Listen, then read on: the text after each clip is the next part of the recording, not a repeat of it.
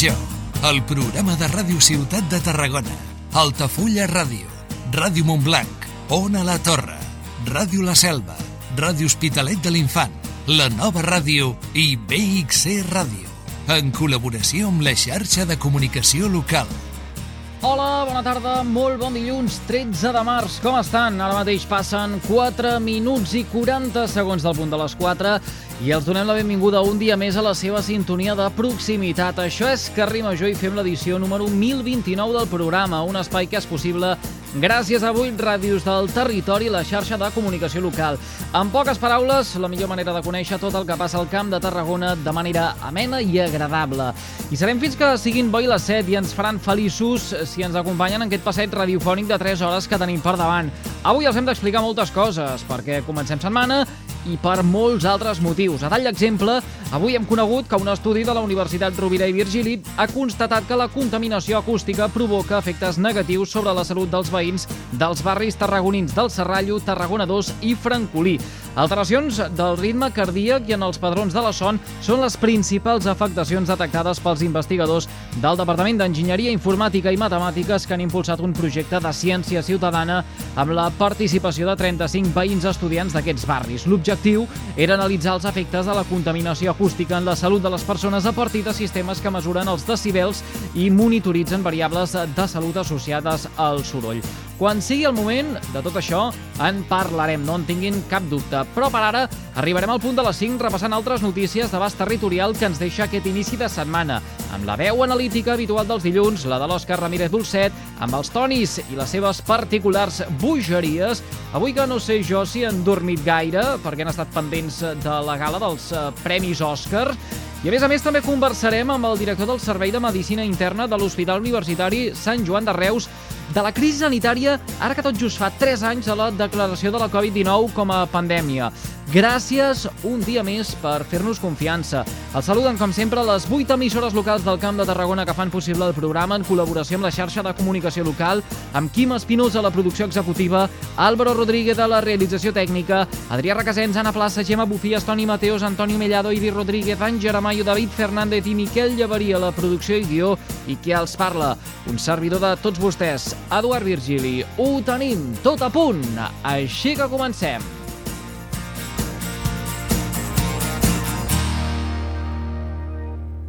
Estàs escoltant Carrer Major.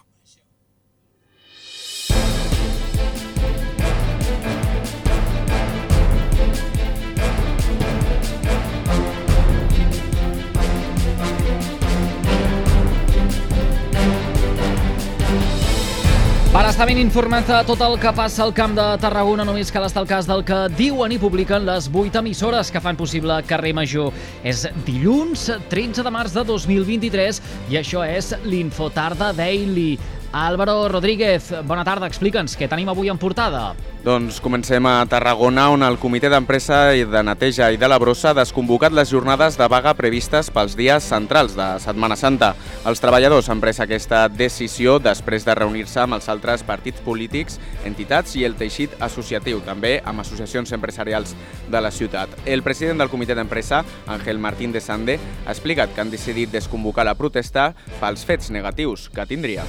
que somos tarragonistas, tarragoninas, es no querer perjudicar la Semana Santa. Eso no conlleva al semáforo en rojo, esto no conlleva que en los próximos meses o lo que sea, ya veremos a ver qué pasa. Pero lo que sí que está claro es que lo hemos hecho por la ciudad, lo hemos hecho por la ciudadanía y, y lo hemos hecho por los trabajadores y trabajadoras también.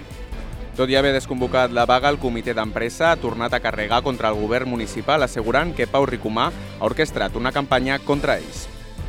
Més coses, avui també hem d'explicar que ja ha començat el desmantellament del traçat ferroviari litoral entre Vandellós i Cambrils. Són les vies que van quedar en desús fa 3 anys quan es va estrenar la variant del corredor del Mediterrani. Adif calcula que les obres de desmantellament acabaran a l'estiu.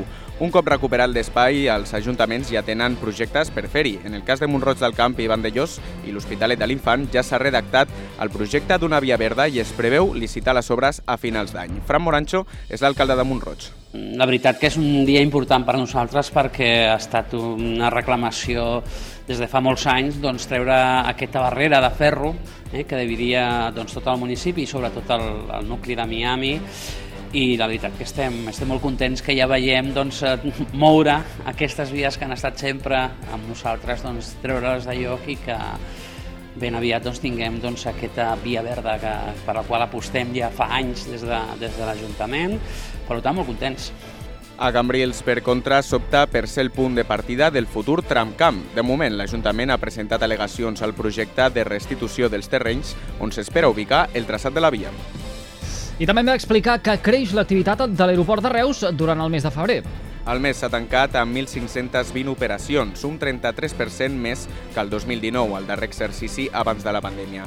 Durant el febrer també han crescut el nombre de passatgers, ha arribat als 579 viatgers, un 177% més que l'any passat. Des de l'inici d'any, 970 han passat per l'aeroport reusenc, una xifra que representa el 112,7% més respecte al mateix període del 2022. Canviant de tema, el 35è Campionat d'Espanya de Seleccions Autonòmiques de Minibàsquet es farà a Tarragona i Salou.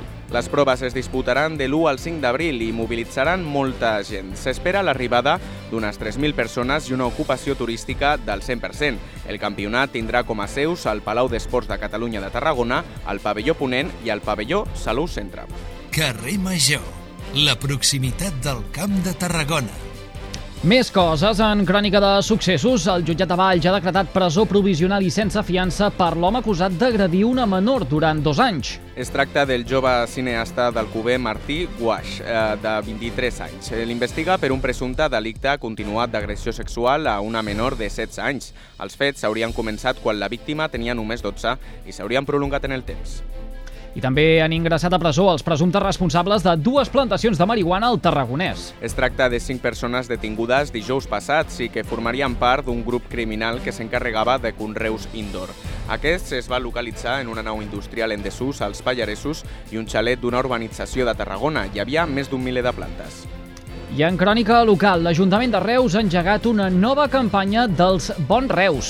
És la setena edició, la setena edició d'aquesta campanya de promoció comercial. S'allargarà fins al 18 d'abril i es posen en circulació 71.200 bons adreçats a tothom, tant a les persones empadronades a Reus com a les de fora de la ciutat. La campanya, que és l'única de moment prevista per aquest any, està impulsada pel consistori i preveu una inversió total de 400.000 euros. Carrer Major és proximitat. I hem de centrar-nos també en la crònica esportiva després del cap de setmana. El Nàstic posa fre a la reacció caient el Johan Cruyff. Els granes van perdre per 1 a 0 davant del Barça Atlètic. L'equip encaixa la primera derrota amb Dani Vidal a la banqueta i frena l'impuls que havia donat la victòria en el debut al nou estadi, davant el filial de la Real Sociedad. Per contra, el CBT ha sumat una victòria importantíssima per 58 a 65 davant del Roser i també hi ha satisfacció al vòlei Sant Pere i Sant Pau que s'han classificat per jugar la fase d'ascens a la Superliga. Carrer Major, fent camp de Tarragona. Dit tot això, coneguem quin temps ens espera de cara a les properes hores. Lluís Mi Pérez, sembla que darrere hora hi ha un canvi de vent i també de temperatura. Bona tarda.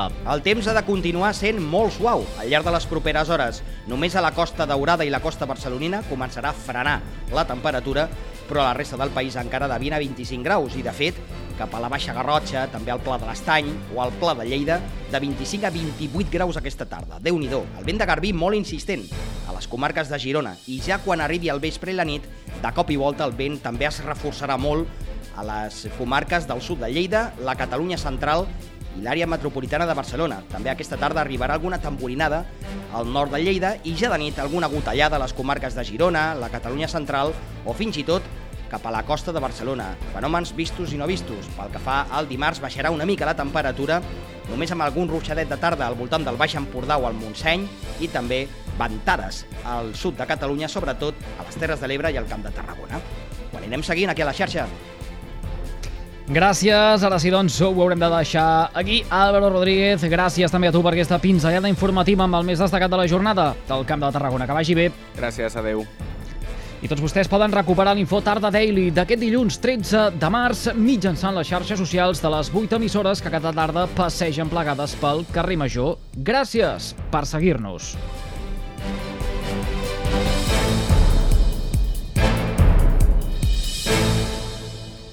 Tot el que passa al Camp de Tarragona t'ho expliquem a Carrer Major.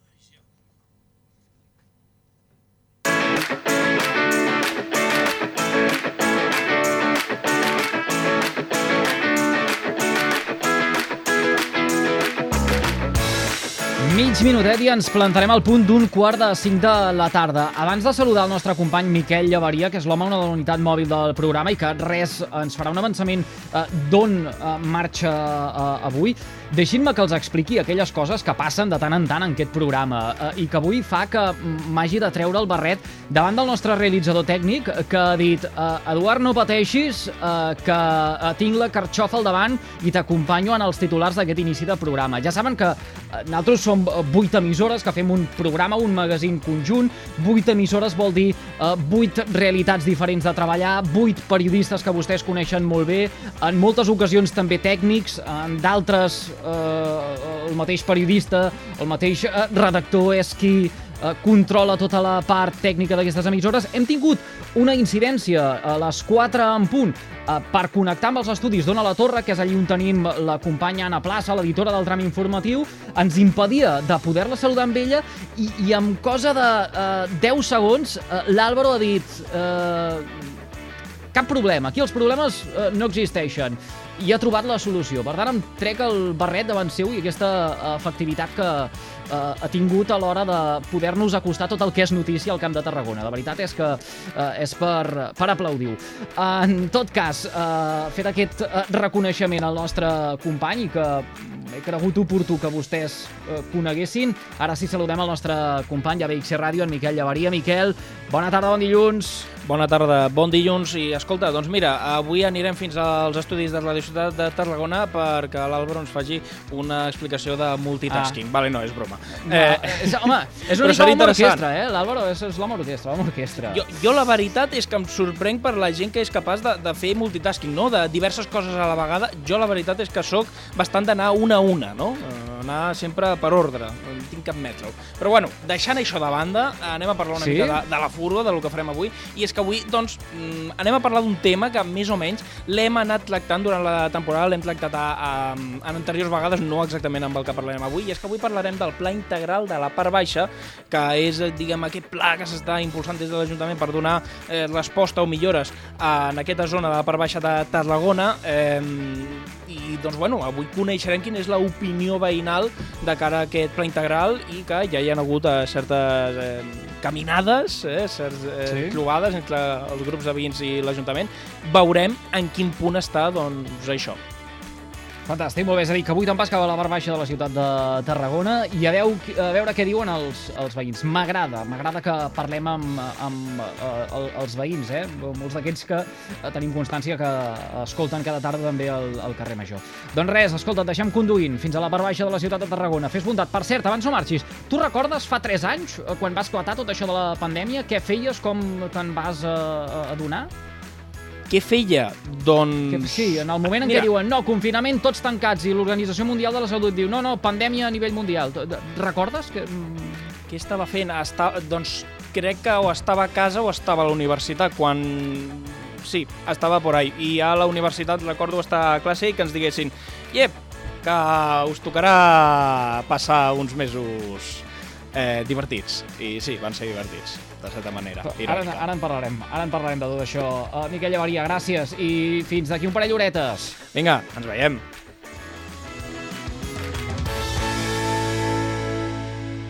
Un passeig al carrer Major cada tarda a la teva ràdio local.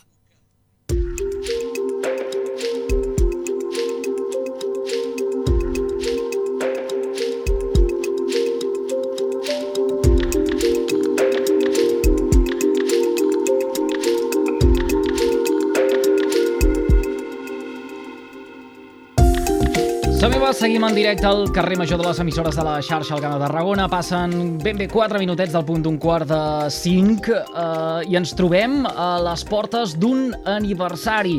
Demà, 14 de març, farà exactament 3 anys que el govern espanyol va declarar l'estat d'alarma per fer front a la crisi de la Covid-19. 3 anys després, L'Organització Mundial de la Salut encara parla de pandèmia, tot i que a nivell pràctic les mascaretes eh, gairebé les hem abandonat, tret de les farmàcies i en l'àmbit eh, mèdic. Comparteix una estoneta amb nosaltres eh, el senyor Antoni Castro, que és director del Servei de Medicina Interna de l'Hospital Universitari Sant Joan de Reus i professor titular de la Universitat Rovira i Virgili. Doctor Castro, molt bona tarda i gràcies un cop més per acceptar la invitació del programa. Hola, bona tarda, què tal? Com està? Ens eh, fa eh, especial il·lusió poder-los saludar perquè va ser precisament vostè la primera persona amb qui vam parlar de pandèmia, de Covid-19 i de eh, crisi sanitària en aquest programa tot just ara fa eh, precisament eh, 3 anys. Eh, per aquestes dates? Sí, sí, va ser un... Bé, va, va irrompre entre nosaltres una malaltia desconeguda amb una gran agressivitat i va ser un moment molt, molt crític per tot el sistema sanitari, per tota la societat. Però, bueno, afortunadament, eh, doncs ja han passat tres anys i l'escenari actual és molt diferent. Sí que hem de lamentar doncs, que ha tingut unes conseqüències eh, molt, molt greus i molt importants a la nostra societat però sí, sí, fa tres anys. Sí. Eh, recorda fa 3 anys eh, com encaixava tota aquesta situació? Vostè ara eh, li preguntàvem al nostre company de BXC Ràdio on l'enganxava, deia la facultat, tot el que ja es preveia que podia passar. De fet, en aquest mateix programa de coronavirus n'havíem arribat a dir alguna coseta al mes de gener, quan ens arribaven notícies des de Wuhan, aquelles imatges de construcció d'un hospital gairebé en temps rècord, quan aquí, per exemple, se celebrava l'any nou xinès, l'any de la rata, eh, i, i ja ens arribaven algunes informacions que alguna cosa sospitosa eh, estava passant. Mm, vostè recorda fa tres anys això, com, com vivia eh, personalment aquesta situació, eh, professionalment vinculat eh, en l'Hospital Universitari Sant Joan de Reus i d'altra banda també en el món acadèmic, perquè aleshores eh, era precisament el delegat de la Facultat de Medicina. Sí. Bé, eh, sabíem que estàvem davant d'una malaltia contagiosa no? que es transmetia per via respiratòria i estàvem observant una mica perplexos tot el que estava passant doncs, a la Xina. Eh, recordo imatges com no? miràvem com allà estaven fabricant hospitals d'un dia per l'altre i semblava que a nosaltres això no ens hagués d'anar, no hagués d'arribar aquí. De fet, també anàvem una mica enganyats perquè l'experiència dels, dels coronavirus, hi havia hagut ja una pandèmia, una brot epidèmic l'any 2002, el SARS, i allò va tenir un comportament més de, de brot epidèmic eh, diguem, tradicional. No? Va durar uns mesos, del 2002 a mitjans del mig del 2003, i va desaparèixer d'alguna manera semblava que, doncs, bueno, sent tractant-se del mateix tipus de virus, doncs, pues, possiblement això hauria tingut una, una, un comportament similar i no va ser així. En aquells moments vam observar com ràpidament al nord d'Itàlia anaven apareixent casos, començàvem a controlar aquelles persones que venien d'allà, no?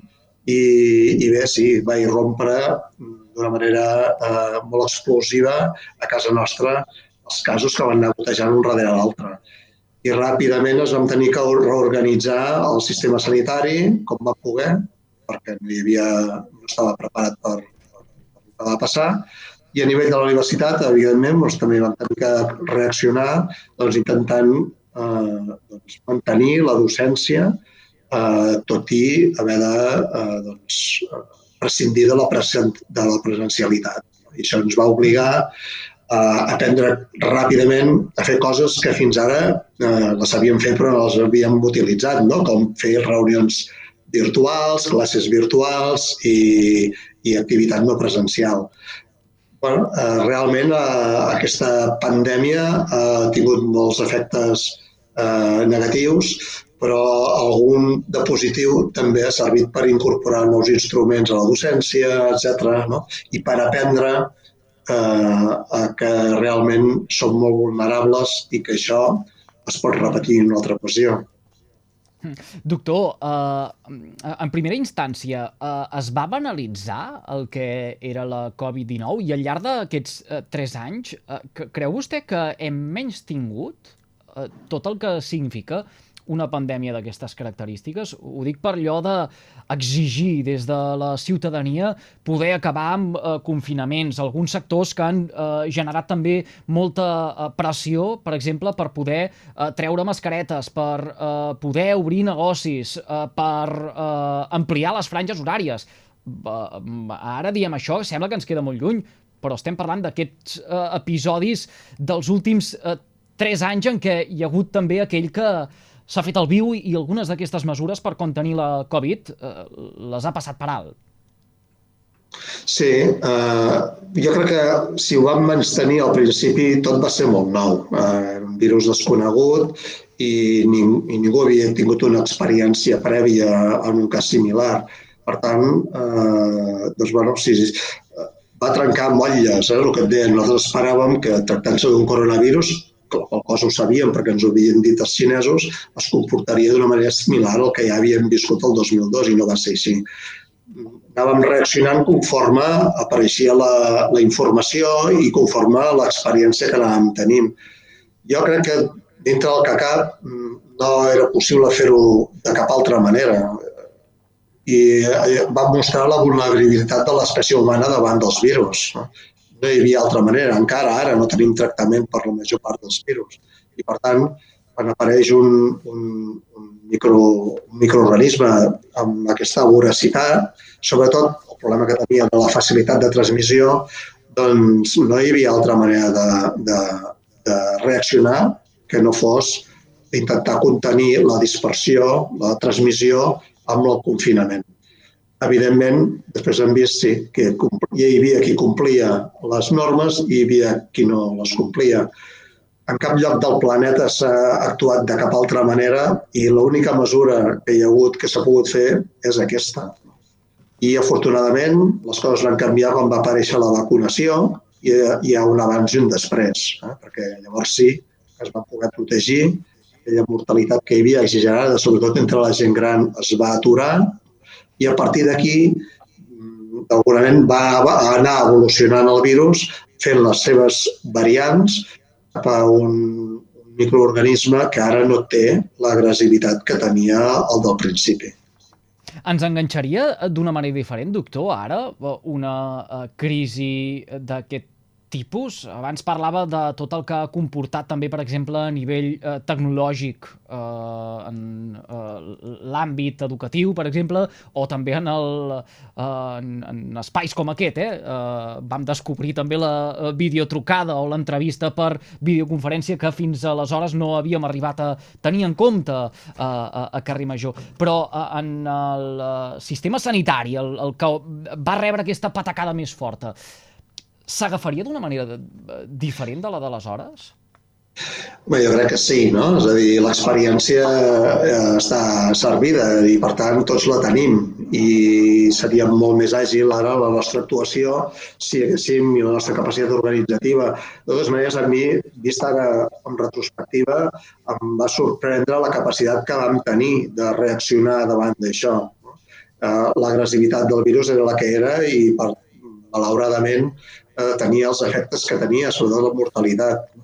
Però el sistema sanitari va reaccionar, eh, diria a títol, eh, no diria individual, però sí que en cada lloc hi va haver la resposta adequada. Al principi el sistema no va existir. Recordeu que no teníem mascaretes, no hi havia prous aparells de ventilació mecànica. Us recordeu de la SEAT, que feia, que feia amb unes màquines, no? intentava fer sí. eh, respiradors, o com el veïnat s'organitzava per cosir mascaretes per donar-los al personal sanitari. Allò va ser un desastre. No? El sistema sanitari no estava preparat llavors per, per, aquest, per, per aquesta pandèmia. No? Ara seria diferent. Ara Ara hi ha canvis que probablement encara han d'anar arribant, no? És a dir, haver de dependre tant d'un sol proveïdor, això era, va ser un problema, no? Totes les mascaretes se fabricaven al mateix lloc. Eh, tot el que ha comportat d'alguna manera la globalització, no? ens ha fet, ens ha, ens ha fet una miqueta més fràgils perquè depens del subministrament d'un sol lloc. Això s'ha anat aprenent i bueno, ara seria molt diferent. Uh, doctor, dèiem a l'inici d'aquesta conversa que l'Organització Mundial de la Salut encara qualifica la Covid de pandèmia. Creu que va per llarg? Què li diu la intuïció? No, jo, vaja, tal, no, no, no, és molt útil fer el seguiment històric. No? Nosaltres encara ara registrem tots els casos, encara ara i el sistema de salut, el, el Departament de Salut de la Generalitat i l'Estat espanyol i Europa, tothom està fent un seguiment de tots els casos que hi ha per si apareixen nous virus, hi ha un sistema de vigilància que permet adelantar-nos els problemes i l'evidència està demostrant que això va de baixa. Ara bé, eh, l'experiència ens diu que no podem cantar victòria. La gent ha incorporat en el seu dia a dia noves maneres de funcionar. No? Qui més qui menys, tothom porta una mascareta a la butxaca, ja hem introduït a la nostra cultura la necessitat de vegades de segons en quin lloc estàs, si hi ha massa eh, massa densitat de gent, doncs te poses la mascareta, etc. I, per tant, tota aquesta manera d'actuar fa pensar que probablement els propers brots o les properes onades que poguessin aparèixer no tindran l'impacte que han tingut les que, han, tingut, les que han vingut, viscut fins ara.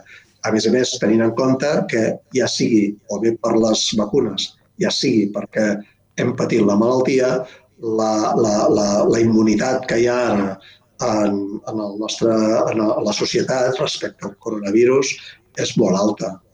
Per tant, cal pensar que això està de retirada, però amb les, amb, cal ser molt precabut a l'hora de fer aquestes afirmacions perquè l'experiència ens ha demostrat que mm-hmm.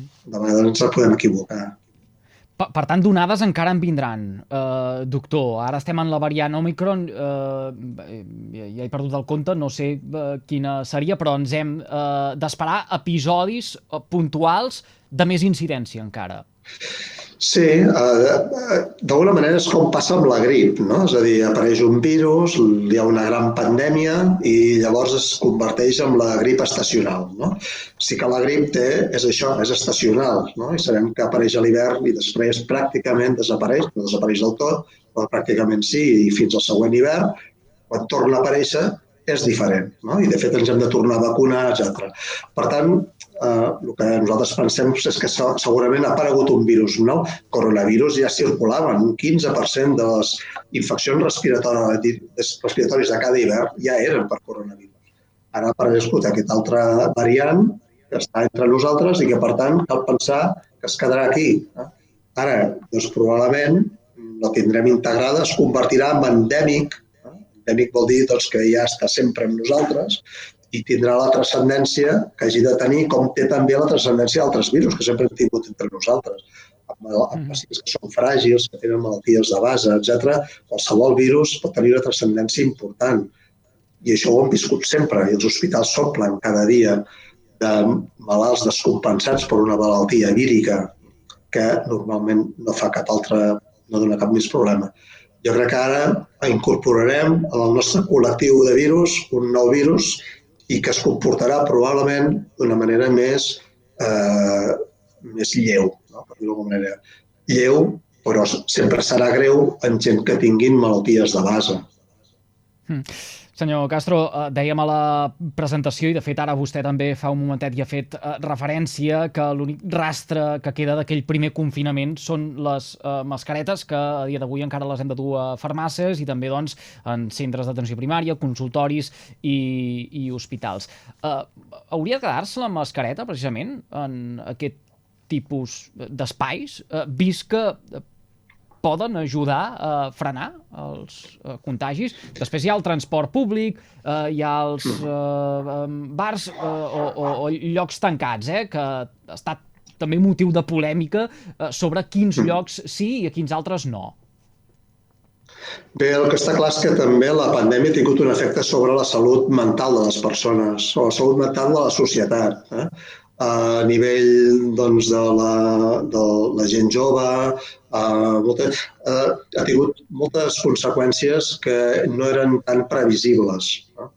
I, per tant, eh, com a societat necessitem, la, la, tenim la necessitat de socialitzar-nos no? i s'ha d'intentar mantenir aquesta activitat relacional no? que és innata, que forma part de l'ésser humà, no? la necessitat d'haver-nos de socialitzar.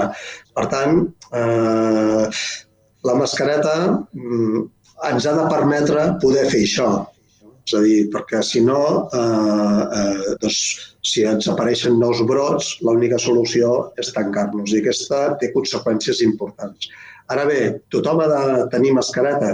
Bueno, no, a partir d'ara s'ha d'imposar lo racional. No? Si una persona està prenent immunosupressors, té una altra malaltia, té una malaltia de base, etc, doncs incorporarà en el seu dia a dia una mascareta quan està en un lloc bulliciós, cosa que fins ara no ho feia. Serà obligatori? No. S'intentarà corresponsabilitzar, corresponsabilitzar les persones a que vetllin per la seva pròpia salut. No cal que t'obligui ningú a fer-ho. No? I això tothom ho ha après. No? Per tant, tothom incorporarà això i aquelles persones que pensin en un moment determinat que val més que es protegeixin, es protegiran. Jo crec que ara això es normalitzarà. Uh, doctor, uh, quines són les incidències que a dia d'avui uh, són més freqüents pel que fa a la Covid o les que vostès han d'atendre?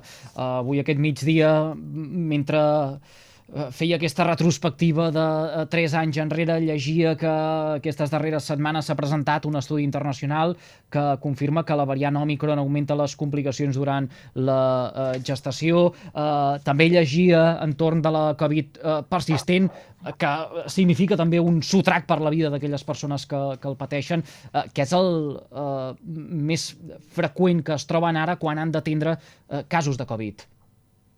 Sí, eh, ens trobem amb això, hi ha els casos de Covid persistent.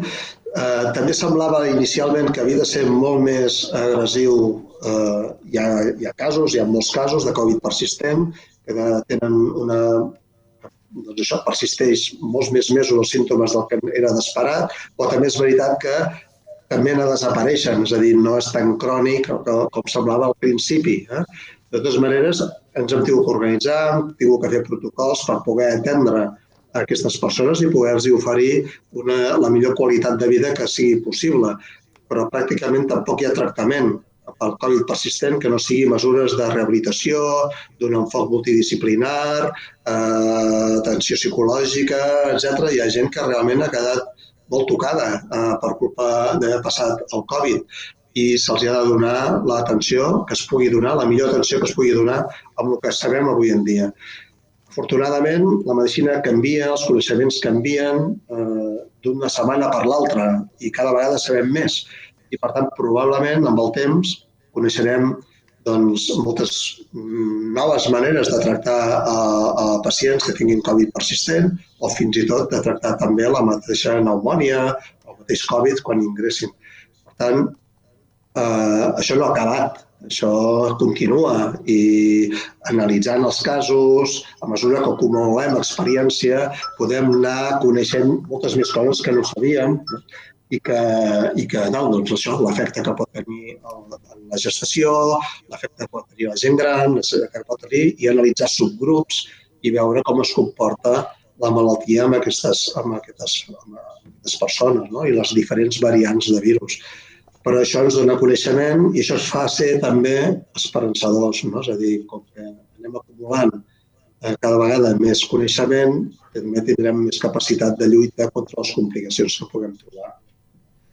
Doctor Antoni Castro, director del Servei de Medicina Interna de l'Hospital Universitari Sant Joan de Reus, professor titular de la Universitat Rovira i Virgili, gràcies un cop més per fer-nos confiança per atendre la invitació del carrer Major de les emissores de la xarxa al Camp de Tarragona i gràcies també per tota aquesta feinada eh, que, que vostès al llarg d'aquests eh, darrers tres anys eh, han estat duent a terme precisament per superar la maleïda pandèmia. Un plaer. Un plaer. Moltes gràcies a vosaltres. Que vagi molt bé. Són dos quarts i mig de cinc de la tarda. Va, moment d'analitzar l'actualitat, moment d'analitzar també les paraules del doctor Castro en companyia, com cada dilluns, del periodista Òscar Ramírez Dulcet. Òscar, bona tarda, bon dilluns, com estàs? Bon dilluns, bona tarda, molt bé, Eduard. Escolta, tres anys ja de la declaració de l'estat d'alarma, del confinament, tres anys que l'Organització Mundial de la Salut va dir que ens trobàvem en plena pandèmia per culpa de la Covid-19. Recordes, tres anys enrere, què feies, eh, com vas encaixar eh, les notícies amb aquells inputs que ens arribaven eh, des d'altres llocs on eh, la Covid ja estava fent de les seves? I recordo de forma especial bueno, que s'havia parlat de la Covid, que hi havia tot el problema, l'inici del problema del col·lapse sanitari. Recordo que el dia 6 de març vaig viatjar a Itàlia i que el dia 9 vaig tornar a Itàlia i que el dia 10 van tancar els aeroports de tota Europa i de tot el món i que vaig arribar allò just. Eh, recordo això i recordo que es va iniciar tot aquell moment de clausura, de confinament, d'inseguretat, d'incertesa, de dubtes, ningú sabia què estava passant, tothom que es pensava que allò en principi era un virus més eh, es convertia en una pandèmia, eh, la gent començava a tenir la por al cos, els sanitaris no sabien com reaccionar, tot s'omplia de malalts i de morts, tot aquell caos. Recordo l'inici d'un procés que, que va acabar més tard i que a hores d'ara sembla que hagi quedat com en el passat, no? I està com molt recent, no? L'actual societat tenim no, no sé per què, però suposo que ens, ens educat així, tenim aquesta capacitat d'oblidar de, de forma tan ràpida elements i successos que acaben de passar, no? que estan a la cantonada. Escolta, escoltant ara les paraules del doctor Castro, a mi m'han cridat l'atenció eh, diverses cosetes que eh, ens ha dit. Eh, dues d'aquestes, eh, que ara segurament el sistema eh, encaixaria Eh, tot el... pel que fa eh, a, a la branca mèdica. Després eh, de tots els sectors van encaixar la pandèmia com van poder, però eh, la, la branca mèdica ho encaixaria d'una manera molt més preparada. Això, un. I dos, eh, m'ha agradat també molt l'atenció el que parlava de l'autoresponsabilitat d'un mateix, encara a dia d'avui, i que ens hauria d'haver ensenyat eh, la Covid. Home, jo no sé, no sé en quina base diu això el doctor, m'ho crec, eh? però, és clar, eh, ho encaixaria millor si sapiguéssim què hauria de passar. Si ens tornem a, si ens tornem a trobar uh, això, a Reus diuen amb els pixats al ventre, és una frase feta, eh? Si ens tornem a trobar d'aquesta forma desprotegits, que no saps d'on arriba l'hòstia, parlant en plata, jo crec que no, no estaríem preparats, ni molt menys. Penso, eh? Si davant d'una situació que tu no coneixes, desconeguda, que et supera, eh, no, no tens mecanismes ni tècnics ni humans per resoldre el moment, no tens la capacitat imaginativa, perquè evidentment això t'arriba i t'arriba com una temporal que arrasa. Jo dubto que tinguéssim aquesta, aquesta capacitat. Dubto, eh? és un punt de vista molt meu particular. I per altra banda, sí, és cert que evidentment eh, cadascú ha de ser responsable del que, del que fa i de quina forma eh, ha d'exercir la seva seguretat i ha de garantir també la dels altres, que no hi pensem molt sovint encara hi ha gent, tu ho parlaves a l'entrevista, que és responsable, que es posa la mascareta, o uns ho fan eh, únicament per ells, altres ho fan també pensant en els altres, però això també és demanar moltíssim. És a dir, la, justament per aquesta teoria que deia abans, i pràctica, evidentment, no? que la gent ja no pensa en el Covid o que ho té molt eh, a la mirada eh, enrere, eh, ja no pensem en què succeiria, en què pot passar, és a dir, ara ja s'ha superat tot i passem a la següent. No? Anem d'en surt en surt, i per tant, eh, allò, Déu que no, de, Déu que no, que no, doncs anem passant i ara aquesta, diguem, la veiem com una mica ja enrere, no? Escolta, què creus que hauria de canviar uh, per tal d'encaixar una crisi sanitària d'aquest tipus i fer bé mínimament les coses? Uh, recordem que uh, la Covid va comportar una aturada massiva de, de tot, una aturada de, de, del món, podem arribar a dir. Uh, en un món globalitzat on en molt poques hores uh, pots viatjar uh, just a l'altra banda. Clar, és que justament haguéssim hagut d'aprendre de la, la Covid en tots els sentits i, per tant, uh, havent vist que, que es va posar a, a tot el món en escac mat, d'acord? Perquè, bueno, en escac, en escac mat, vam estar a punt d'escac mat, però vam salvar la partida de l'última jugada, no?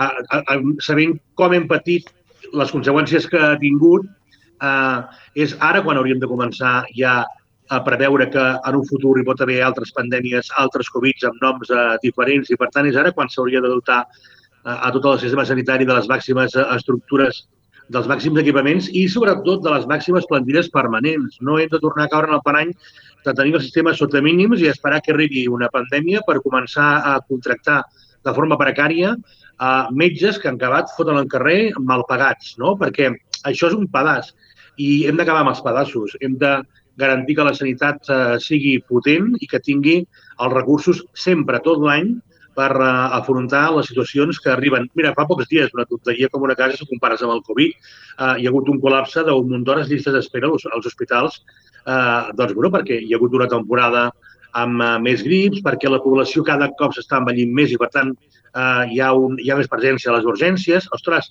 uh, uh, de veritat que no podem veure, no podem preveure que cal ampliar els recursos humans i infraestructurals, però sobretot humans, a la sanitat com a altres sectors. Jo, és, una, és un tema de, de, de voluntat, com sempre, de voluntat política, perquè en aquest cas els tècnics de les administracions ho estan advertint des de fa molt de temps. Per tant, és, una, és un tema de gestió política, de, de signar documents i dir destinem menys, menys diners a altres xorrades, a defensa i altres coses que són infumables, uh, i a més a més traguem diners d'on sigui, d'on faci falta, perquè requereix i urgentment aplicar mesures en aquells camps que aporten el benestar a la població, però sobretot que aporten el benestar a la gent que treballa al voltant de la població en camps com la sanitat. No? Uh, tot plegat ens fa uh, pensar i hauria de fer pensar aquells que poden prendre uh, precisament les decisions mm. per uh, revertir tot això. Òscar, escolta... Al cap del uh, ara... sempre, hi ha, sempre hi ha el gestor polític, eh? Jo no, no entro mai en quin partit govern i mi se me'n repot. Però al cap del carrer sempre hi ha el gestor polític. O sigui, qui acaba tenint la responsabilitat mal que els hi pesi, perquè són la gran part d'ells uns ineptes, són els responsables polítics. Aquí hi ha el kit de la qüestió. per tant, que es posin les piles. Mira, m'agrada això que dius, eh? M'ho apro apropio, això del cap del carrer i el gestor polític. Escolta, ara quan uh, s'escaigui ho faré servir. Escolta, jo et volia preguntar, Òscar, ara me'n vaig cap a la selva del camp perquè allí tinc un parell d'homes fantàstics, són Antoni Mateus i Antoni Mellado. Jo ara amb ells els preguntaré l'hora que han anat a dormir, perquè estic convençudíssim que avui han anat a les tantes després de mm. la gala de la 95a edició dels Premis Oscars uh, que s'ha sí. celebrat aquesta passada matinada. Tu en quina hora has anat a dormir? I jo he anat a dormir l'hora normal, perquè jo era d'aquells que seguien els Oscars i que els encantava i s'ho mirava cada nit, a parlo de fa molts anys, però jo vaig decidir que els Oscars no me'ls anava més i que estaven manipulats l'any que no li van donar a Ennio Morricone l'Oscar per la pel·lícula La Missió, que li van donar a Platoon. Llavors vaig dir, això és una trampa, està tot manipulat, com no es pot donar un Oscar a la banda sonora de la pel·lícula La Missió amb la meravella Kate? I vaig dir, s'ha acabat veure els Oscars. Per tant, aquesta nit he anat a dormir a hora normal i quan m'he llevat, a les 6, com cada matí més o menys, he mirat qui havia guanyat. Eh, he de reconèixer que la pel·lícula que ha guanyat no l'he vist, me la miraré, però és un tema que em té, diguem, ja... No em treu, no em treu la son, ostres. Me l'han tret durant molts anys, eh? Ara, ara esbrinarem en quina hora van anar a clapar aquell parell d'homes terribles de la selva del camp. Coneixent, uh... coneixent el Toni, el Toni Mateus, tard i malament. Eh, mira, espera't, que li preguntarem. Toni Mateus, uh, bona tarda. Què tal? Bona tarda. Quina hora vas anar a dormir? Mira, quina... Hola, hola, hola, Òscar. Quina hora vaig anar a dormir? Eh, 3 i quart, una cosa així. Vale, vale, i ara, ara l'hora oficial. Has dit l'oficiosa i l'oficial?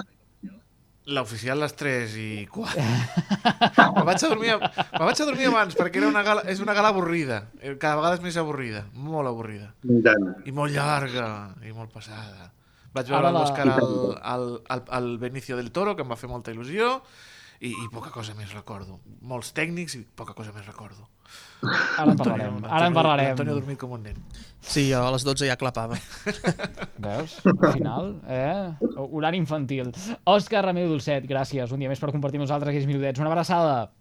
Merci a vosaltres, una abraçada, adéu-siau, adéu Toni, adéu, adéu Òscar, adéu, abraçades molt grans. Que vagi molt bé. A veure, nois, uh, queda clar, un quart de quatre a les 12 de la mitjanit. Uh, qui, ha, qui va fer bondat? I hi ha qui, hi ha qui va fer els deures per la secció d'avui. Bon, Exacte. Bueno, els deures. El, el, el, després m'he aixecat a les 7, una coseta així, i m'he posat un resum de la gala eh, d'una horeta i he anat estirant, tirant, tirant, tirant, tirant, i he vist el resum de la gala. I el tenim ja tot preparat, estimat I tant. Virgili.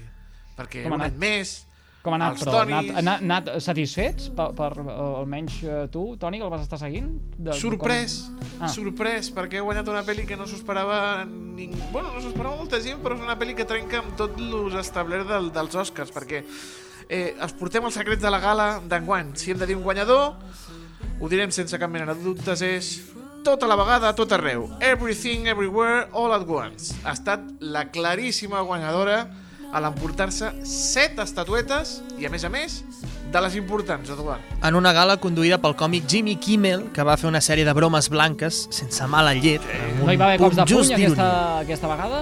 No hi va haver Eh? bufetades? Dic, cops de puny, bufetades... Eh, no n'hi va haver, no? va haver-hi referències. Va haver... No, Ai. s'han portat bé, s'han portat Va haver-hi referències, per això potser va ser tan avorrida, no? perquè no va haver-hi cap No va haver-hi no va haver teca. En el seu discurs, Jimmy Kimmel doncs, va fer doncs, un punt, amb aquest punt just d'ironia, va parlar sobre la indústria i, com no, com dèiem ara, no? el que va succeir a aquell mateix lloc fa un any, la famosa bufetada de Will Smith a un altre còmic, en Chris Rock. Kimmel va dir si una cosa impredictible o violenta succeeix durant aquesta cerimònia, simplement feu el mateix que vau fer l'any passat. Res. Quedeu-vos aquí asseguts i no feu res. I a més a més també va fer la broma de que si algú abufetejava a un altre, li donarien un Òscar al millor actor i podria fer un discurs de 13 minuts com va fer Will Smith l'any passat. Però vinga, va, Eduard, anem a la gran guanyadora que deia el Toni. Tota la vegada, a tot arreu. Que boica. Señora Guan. Señora Guan. Señora Guan. ¿Sigue con nosotros?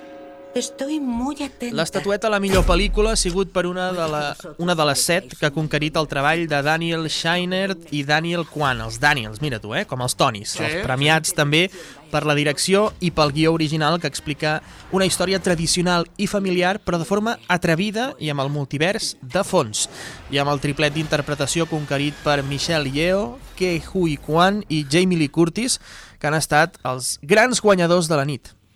Les dones importantíssimes en aquest film, Eduard. Michelle Yeoh, la primera dona asiàtica en aconseguir un Oscar. La mateixa Yeoh ho reconeixia dalt de l'escenari, que era un moment històric, perquè pot costar creure-s'ho, però ella és la primera dona asiàtica en recollir l'Oscar, com has dit tu, a la millor actriu en els 95 anys d'història que et porten aquestes gales. A més de ser la primera dona malàisia que guanya qualsevol Òscar. La, protagoni la protagonista de tota la vegada tot arreu va parlar del seu discurs de l'edat, va recordar a les actrius que no deixin mai que els hi diguin que se'ls hi, que se'ls hi ha passat l'hora o l'arròs, va recordar el seu passat de ser al cinema de Hong Kong i que ella es va donar a conèixer com a actriu d'acció. Sí, sí, home, recordadíssima a Tigre i Dragón. I, com no, la Gio va dir que ella feia totes les seves escenes de risc i també va aprofitar per demanar un Òscar als especialistes que es juguen la vida a les seves pel·lícules. Sí, sí, sempre diuen eh, millor actor, no sé què, però també un Òscar als especialistes, que dimonis. Molt aplaudida per la seva defensa de la dona al cinema, Geo es va emportar tot el reconeixement de Hollywood. També la gran Jamie Lee Curtis, que va recollir l'Oscar com a millor actriu de repartiment per, com dèiem, aquest arriscat film que trenca amb l'establert al conservador món de Hollywood. Curiós també el primer Oscar d'una gran actriu com Jamie Lee Curtis amb una llarga i exitosa carrera.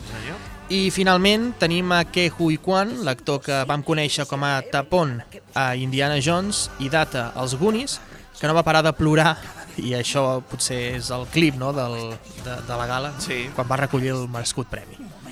Va cridar «Mama, he guanyat un Òscar!» La seva mare, que té 80 i pico d'anys, va dir «Mama, mira, mira!»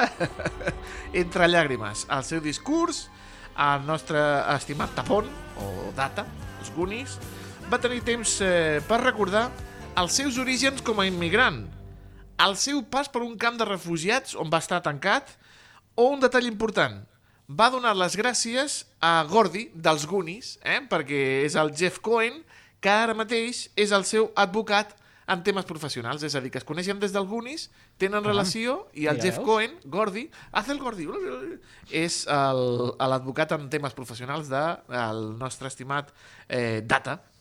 I, I el gran guanyador esperat de la nit va ser el grandíssim Brendan Fraser, al film La Balena. restrictivas, pero recordad que el objetivo de este curso es que aprendáis a redactar con claridad y convicción.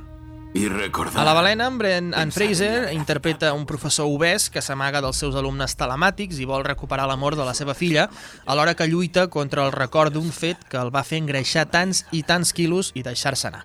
L'actor és un dels rostres més usuals de finals dels 90, principis del nou segle, havia desaparegut completament de les pantalles. Sí, sí. Per això, en Brendan Fraser li ha donat les gràcies al director de La Balena, Darren Aronofsky, per donar-li un flotador, un salvavides creatiu amb aquest paper. La balena també ha guanyat el Premi Oscar al millor maquillatge per la gran feina de caracterització de Brendan Fraser, convertint-lo doncs, en una persona d'obesitat mòrbida que arriba doncs, als 180 quilos i és brutal. El treball de, de les pròtesis i tot això és impressionant. Seguim amb més pel·lícules, com aquesta Res nou a l'Oest.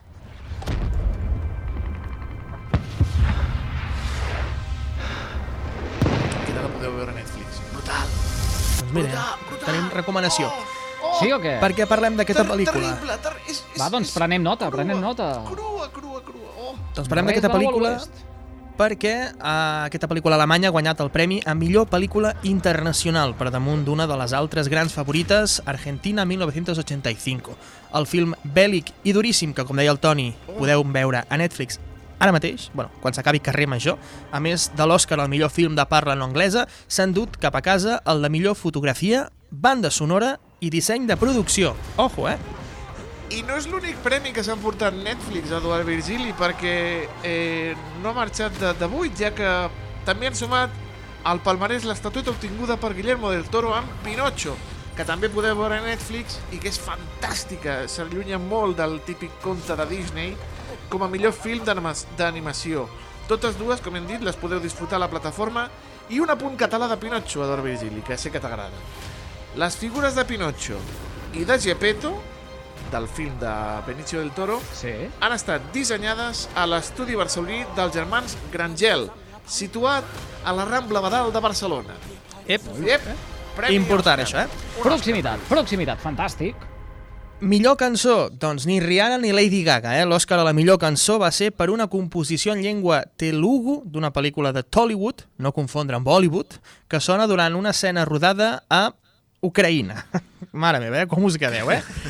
Uh, Natu. aquesta Nato, és. Nato! Mira com sona. Nato, Nato.